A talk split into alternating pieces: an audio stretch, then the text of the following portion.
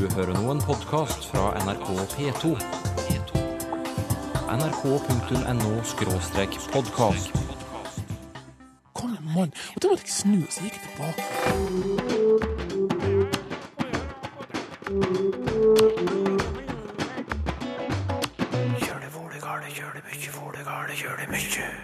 På 80-tallet ble det utviklet et eget norsk oljespråk til bruk i Nordsjøen. Jeg husker spesielt at det ble fleipa litt av og til med at eh, det norske språket der kom vel til å føre til enda flere ulykker enn det engelske, men eh, det tviler jeg nå faktisk på. Hva vil det egentlig si at maten er bearbeidet? Ingen anelse. Ordet bearbeidet syns jeg egentlig burde vært borte fra vårt vokabular. Man vet jo ikke hva det står for.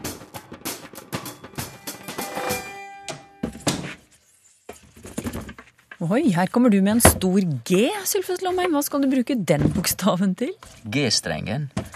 Ja, G-punktet. såpass. Men det kan vi glemme her. Å ha det på G er nok noe helt annet. Ja, det skal være sikkert. Og forklaring kommer senere.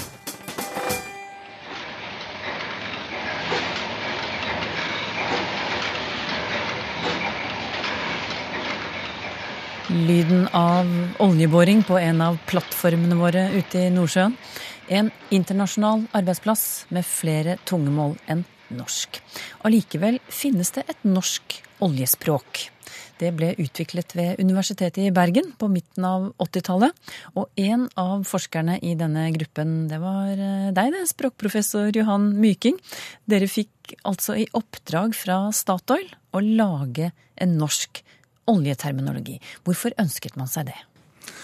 Det ønsket en seg fordi at en ville vise at norsk kunne brukes som eh, arbeidsspråk i Nordsjøen. Og eh, da hadde Statoil et nytt eh, oljefelt under utvikling som heter Gullfaks.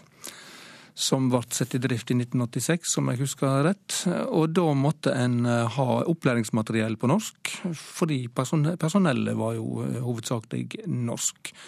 Og for å lage et godt opplæringsmateriell, altså håndbøker, så må terminologien være på plass. Og den var på engelsk, og måtte dermed systematiseres og tilpasses for norsk. Og det var oppdraget. Du, hvordan gikk dere fram for å finne gode norske termer? Eh, Først og fremst så tok en de engelske systemhåndbøkene, og det var ganske mange av de. Jeg har nesten glemt tallet, men en, eh, rundt 40. Og så samla en i hop eh, all den engelske fagterminologien, systematiserte den, og så eh, er det veldig viktig for meg å si at dette var jo ikke et rent filologprodukt. En diskuterte nemlig all terminologien med brukerne, altså med spesialist, de spesialistene som skulle ut på plattformene og drive plattformene med dette språket. Sånn at eh, en utvikler norsk i samarbeid mellom eh, filologer på universitetet og ingeniører som eh, tilhørte bransjen. Og det er et ganske viktig poeng, fordi at du kan ikke få til en god fagterminologi uten at brukerne får være med. Vi, vi tenker oss da at dere, dere tar for dere et engelsk uttrykk som dere skal lage en, Ja. en, god, en god norsk variant av. Hvordan gjorde dere det? Altså, hvilke prinsipper fulgte dere? Eh, Hvis du tenker på eh, prinsipp for hvordan et eh, norsk ord bør se ut, så kan jeg jo godt huske at det var mange livlige diskusjoner. Ja, hva var det dere eksempel- diskuterte da? Ja, for eksempel en oljeterm som heter Kelly, det, et, som- det som var hetende drivrør, var jo en Nå er det visst en utdatert teknologi, forresten. Det er visstnok ikke lenger i bruk, men det er nå en annen ting. Nei, altså, da kunne vi jo få sånne reaksjoner som ja, alle vet hva en Kelly er, men hva i all verden er et drivrør?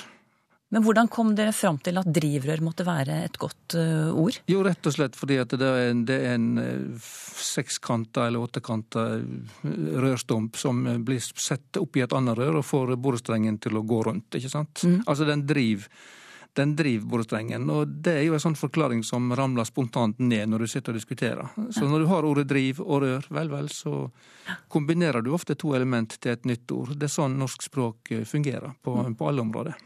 Men mens dere holdt på med dette arbeidet, du sier dere hadde diskusjoner ja, om hva dere skulle kalle saker og ting, men hvilke andre utfordringer eh, vil du si dere støtte på?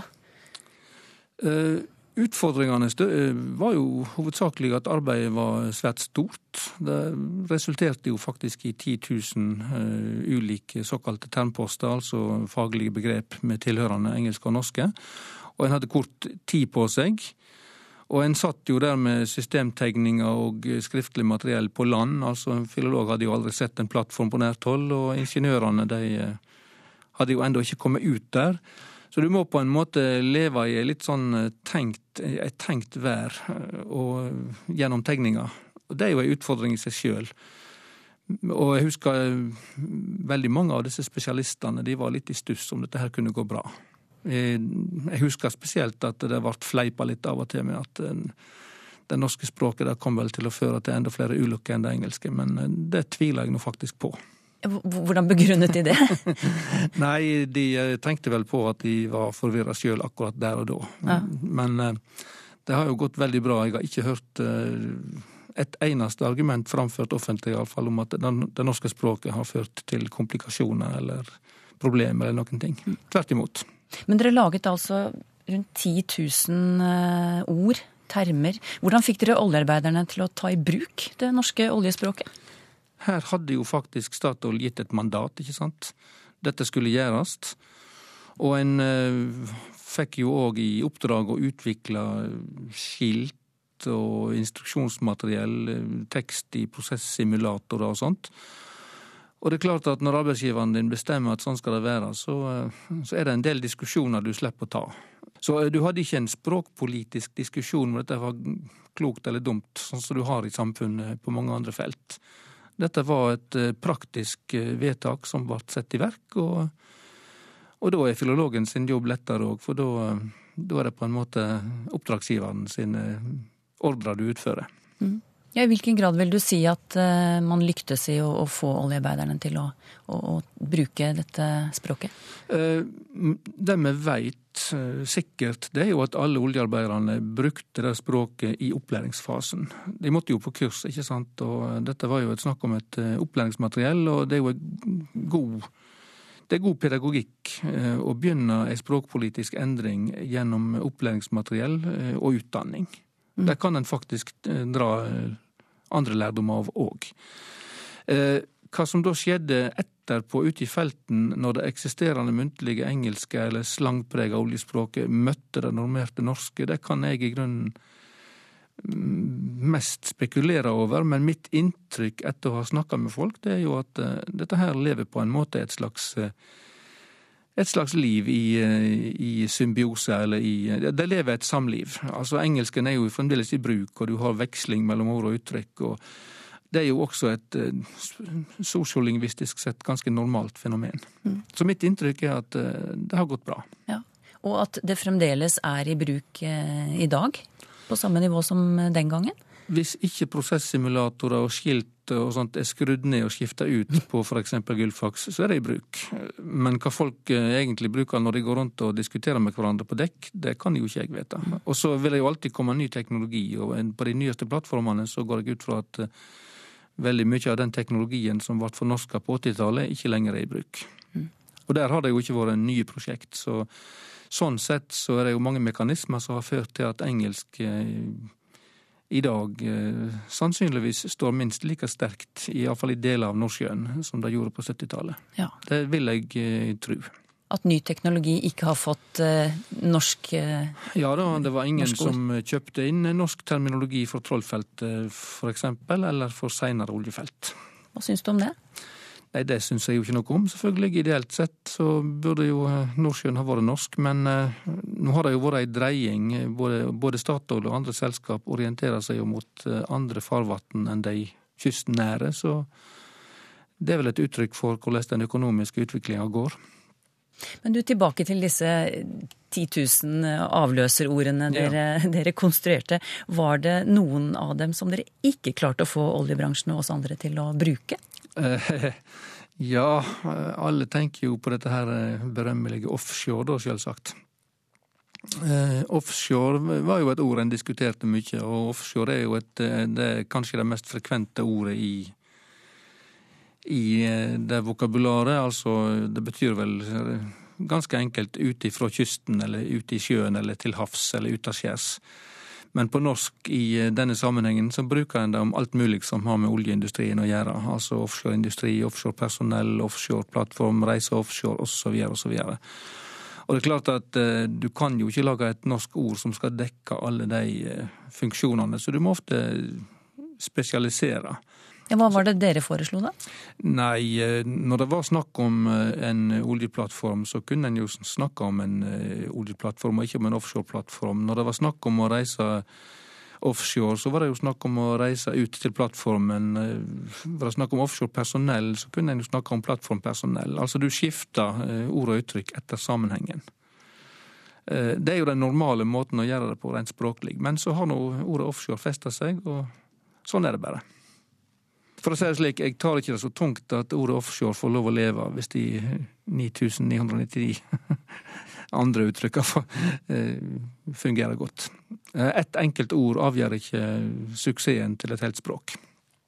Det mente språkprofessor Johan Myking ved Universitetet i Bergen.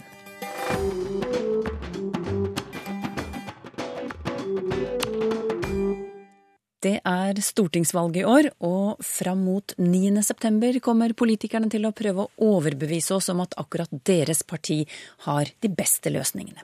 Men hva synes du om språkbruken deres? Man må jo prøve å liksom se litt hva som ligger mellom linjene i dette forskjellige politikerne sier, da, for det er jo litt vanskelig å tyde hva de egentlig mener i mange av de debattene som er. Nei, ikke alltid like lett å forstå hva politikerne egentlig mener. Har du eksempler på tilslørende ordbruk, uforståelige formuleringer eller andre sider ved politikerspråket du reagerer på? Send e-post til teigen krøllalfa nrk.no, så tar vi det opp til høsten. Dropp bearbeidet mat, leser jeg på denne helsebloggen. Eller denne avisoverskriften, 'Bearbeidet kjøtt øker sjansen for tidlig død'. Også i statlige kostholdsråd står det at vi skal spise mindre bearbeidet kjøtt. Men hva betyr egentlig bearbeidet når vi snakker om mat? Ingen anelse. Bearbeidet mat, hva tror du det kan være? Nei, jeg har ikke peiling. Kunstige tilsetningsstoffer, kanskje. Ja. Ikke, ikke økologisk. ja. Bearbeidet kjøtt sier helsemyndighetene. Det skal vi ikke spise så mye av. Hva tror du bearbeidet kjøtt er for noe? Ja, helt sikkert kjøttdeig og Jeg er litt usikker, faktisk. Ja. Det er snakk om bearbeidet mat. Hva er det for deg? Ja, det er sånn ferdig, ferdiglaget som du kjøper i plast. Ja. Hva er bearbeidet mat? Jeg vet ikke. Nei, nei. Bearbeidet. Det er sånn bedrift eller noe som gjør et eller annet med maten. Det, det, nei, det er fremmedord for meg, det der. altså. Nei, vi er visst ikke helt stø på hva bearbeidet betyr. Ved Matforskningsinstituttet Nofima finner vi en som heller ikke er så glad i begrepet bearbeidet mat. Ernæringsfysiolog og matforsker Pernille Baarseth, hva er problemet? Nei, Dette med ordet eh, bearbeidet, bearbeidet mat, det er at eh, det forstår, begrepet kan forstås på forskjellig vis. Og hvis man da ikke kan kommunisere, så er det vanskelig å forstå hva, hva man egentlig prøver å si. Og ja. bearbeidet, hva er nå det? Ja, Har du, har du et par eksempler på, på hvor ulikt dette ordet bearbeidet kan tolkes? Det kan tolkes på flere måter. Noen kaller det for hurtigmat, og noen kaller det ferdigmat, og noen kaller det halvfabrikata, og noen kaller det helfabrikata. Ja. Når, når helsemyndighetene ber oss om å spise mindre bearbeidet kjøtt f.eks., hva har du forstått at de legger i bearbeidet kjøtt? Det er det som er salt, røkt og tilsatt nitritt. Mm. Men Statistisk sentralbyrå de eh, bruker ordet bearbeidet kjøtt som én kategori, mens de bruker saltkjøtt som en annen kategori.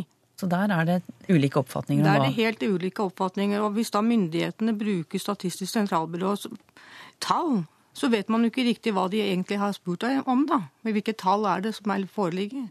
Men du, hvorfor blir bearbeidet definert på så mange ulike måter? Noen ganger så sier man det at bearbeidet mat det er usunt. Og så sier man fordi at det inneholder mye salt, sukker og fett. Men all mat er jo bearbeidet. Ja, hva legger du i det når du sier all mat er bearbeidet? Hva betyr det? hvis du har et kokt kjøtt, f.eks., det er jo også bearbeidet. Eller, eller malt kjøtt. Hermetikk. Tørre produkter. Kjølevarer. Frosne varer. Brød. Du går jo ikke ut og skjærer kornet og maler melet. Du bruker jo da råvarer som er bearbeidet. Hvordan skal, vi, hvordan skal vi forbrukere forholde oss til dette her, da, når det er sånn begrepsforvirring, egentlig? da? Ja, det er nettopp det. Man går jo ikke ut på jordet og skjærer sin egen kål heller. Man går jo ikke og melker kua heller. Så det er noe med det å få en, mer enn egentlig kunnskaper om hva som egentlig skjer. For en bearbeiding, det er f.eks. at man kverner, man maler, man eh, varmebehandler, man fryser. Og det er jo veldig mye av disse tingene som man, man gjør hele tiden. Og dette er jo for matsikkerhetens skyld. Så at man er sikre på at maten er trygg, så må vi jo bearbeide maten. Ja, på hvilken måte blir maten bearbeidet for at den skal være trygg for oss? Ja, Du må jo f.eks. da øh, varmebehandle slik at du dreper bakteriene.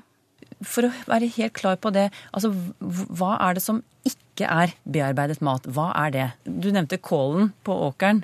Den er ikke bearbeidet når den står der, er den det?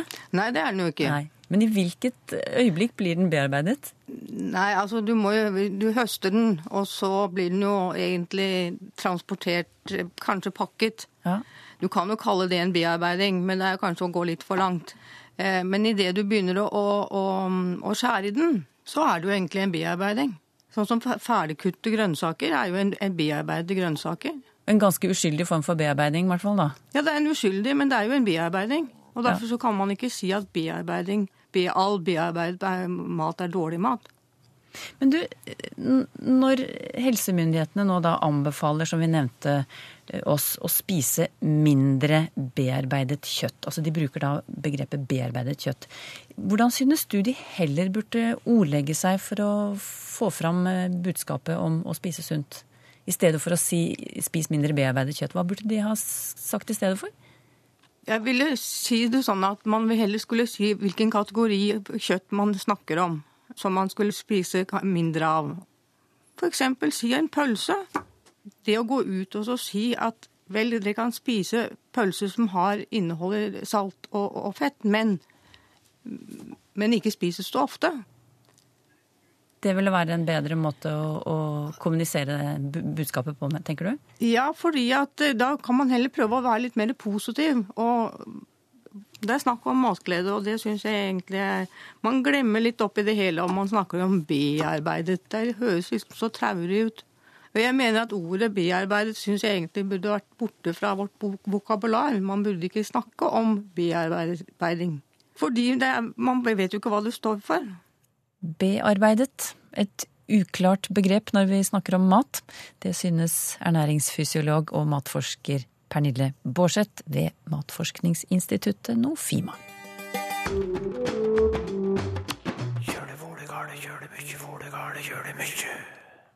Grønn genser, Sylfus Lomheim, det er mer enn et klesplagg, du?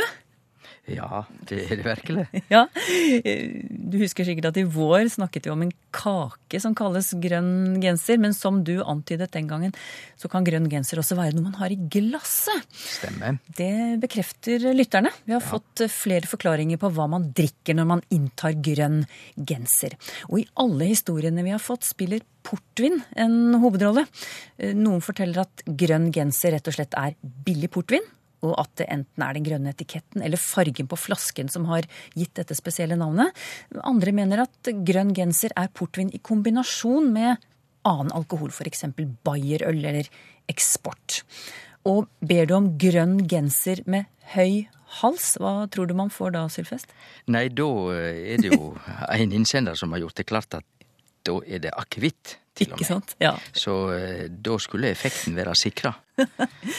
så er det en lytter som, apropos effekt, en lytter som har hørt at uttrykket grønn genser stammer fra Kristiania Bohemen på slutten av 1800-tallet. De bestilte visstnok portvin og bayerøl for å få maksimal rus for pengene.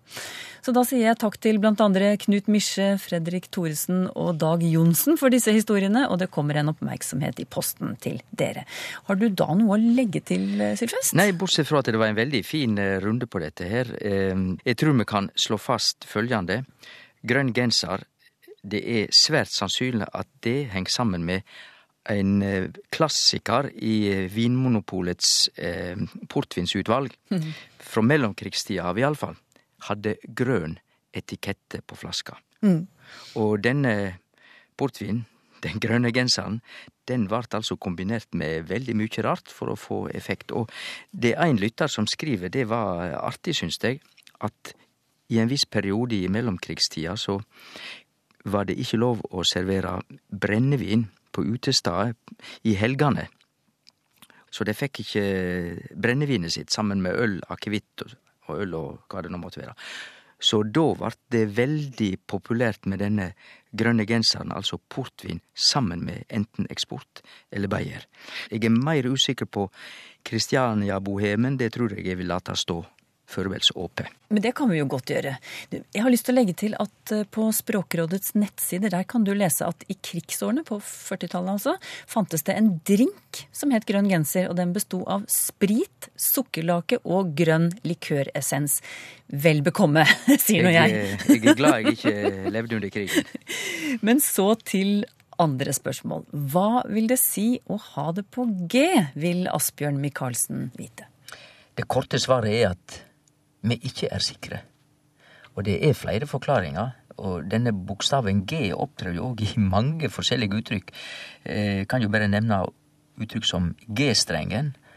Og det kan være både på i musikk og et veldig bitte lite plagg. Og vi har G-punktet og slikt, men det kan vi glemme her. Å ha det på G er nok noe helt annet.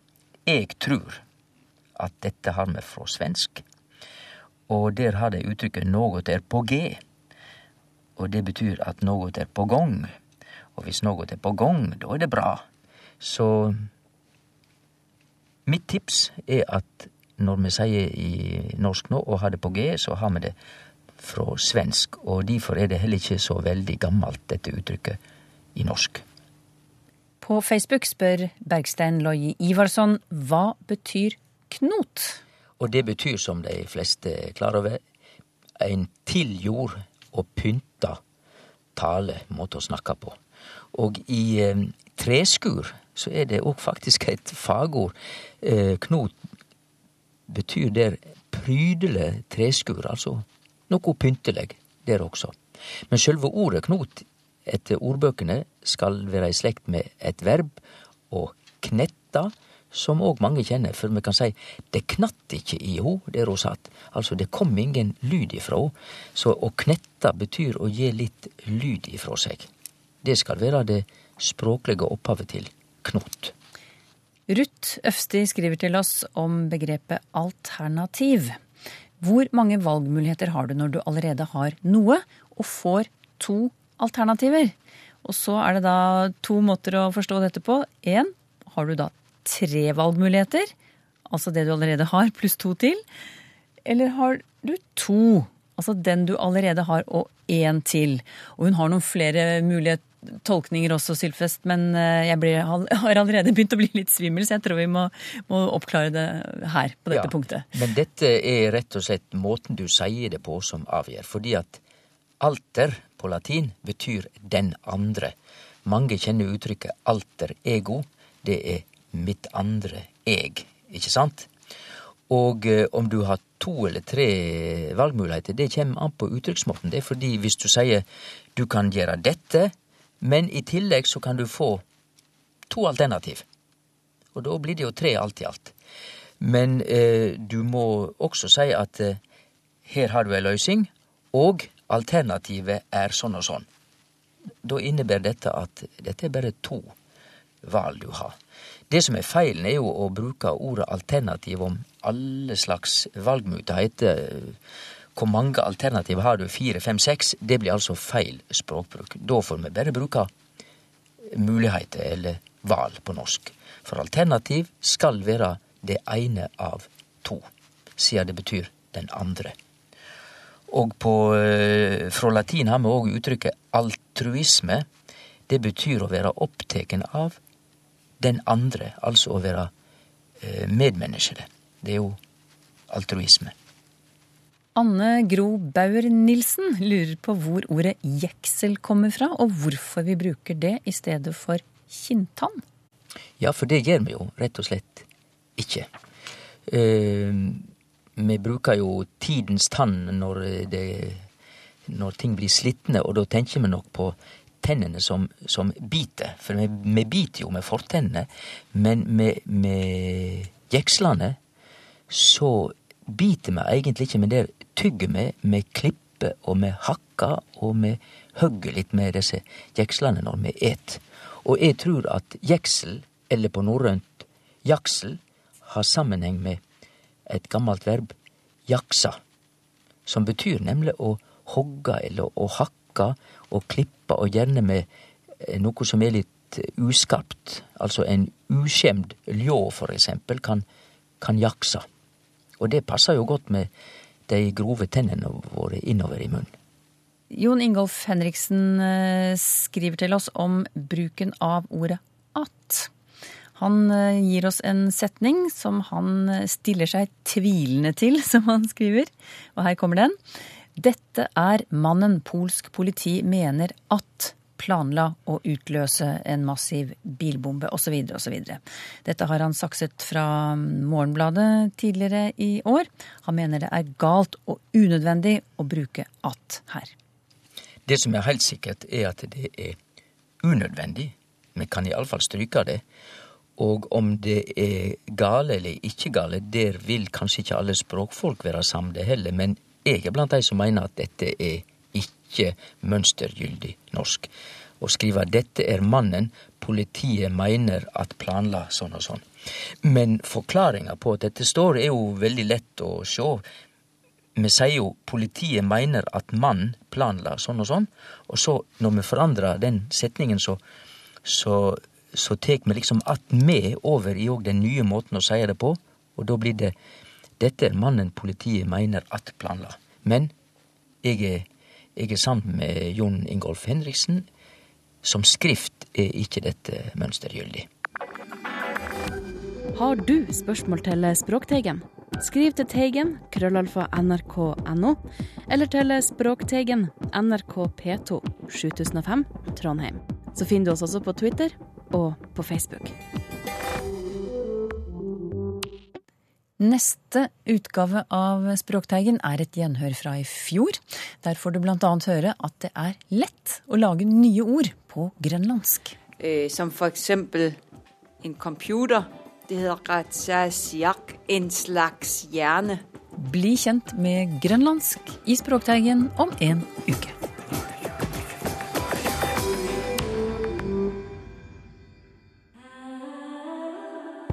nrk.no podkast.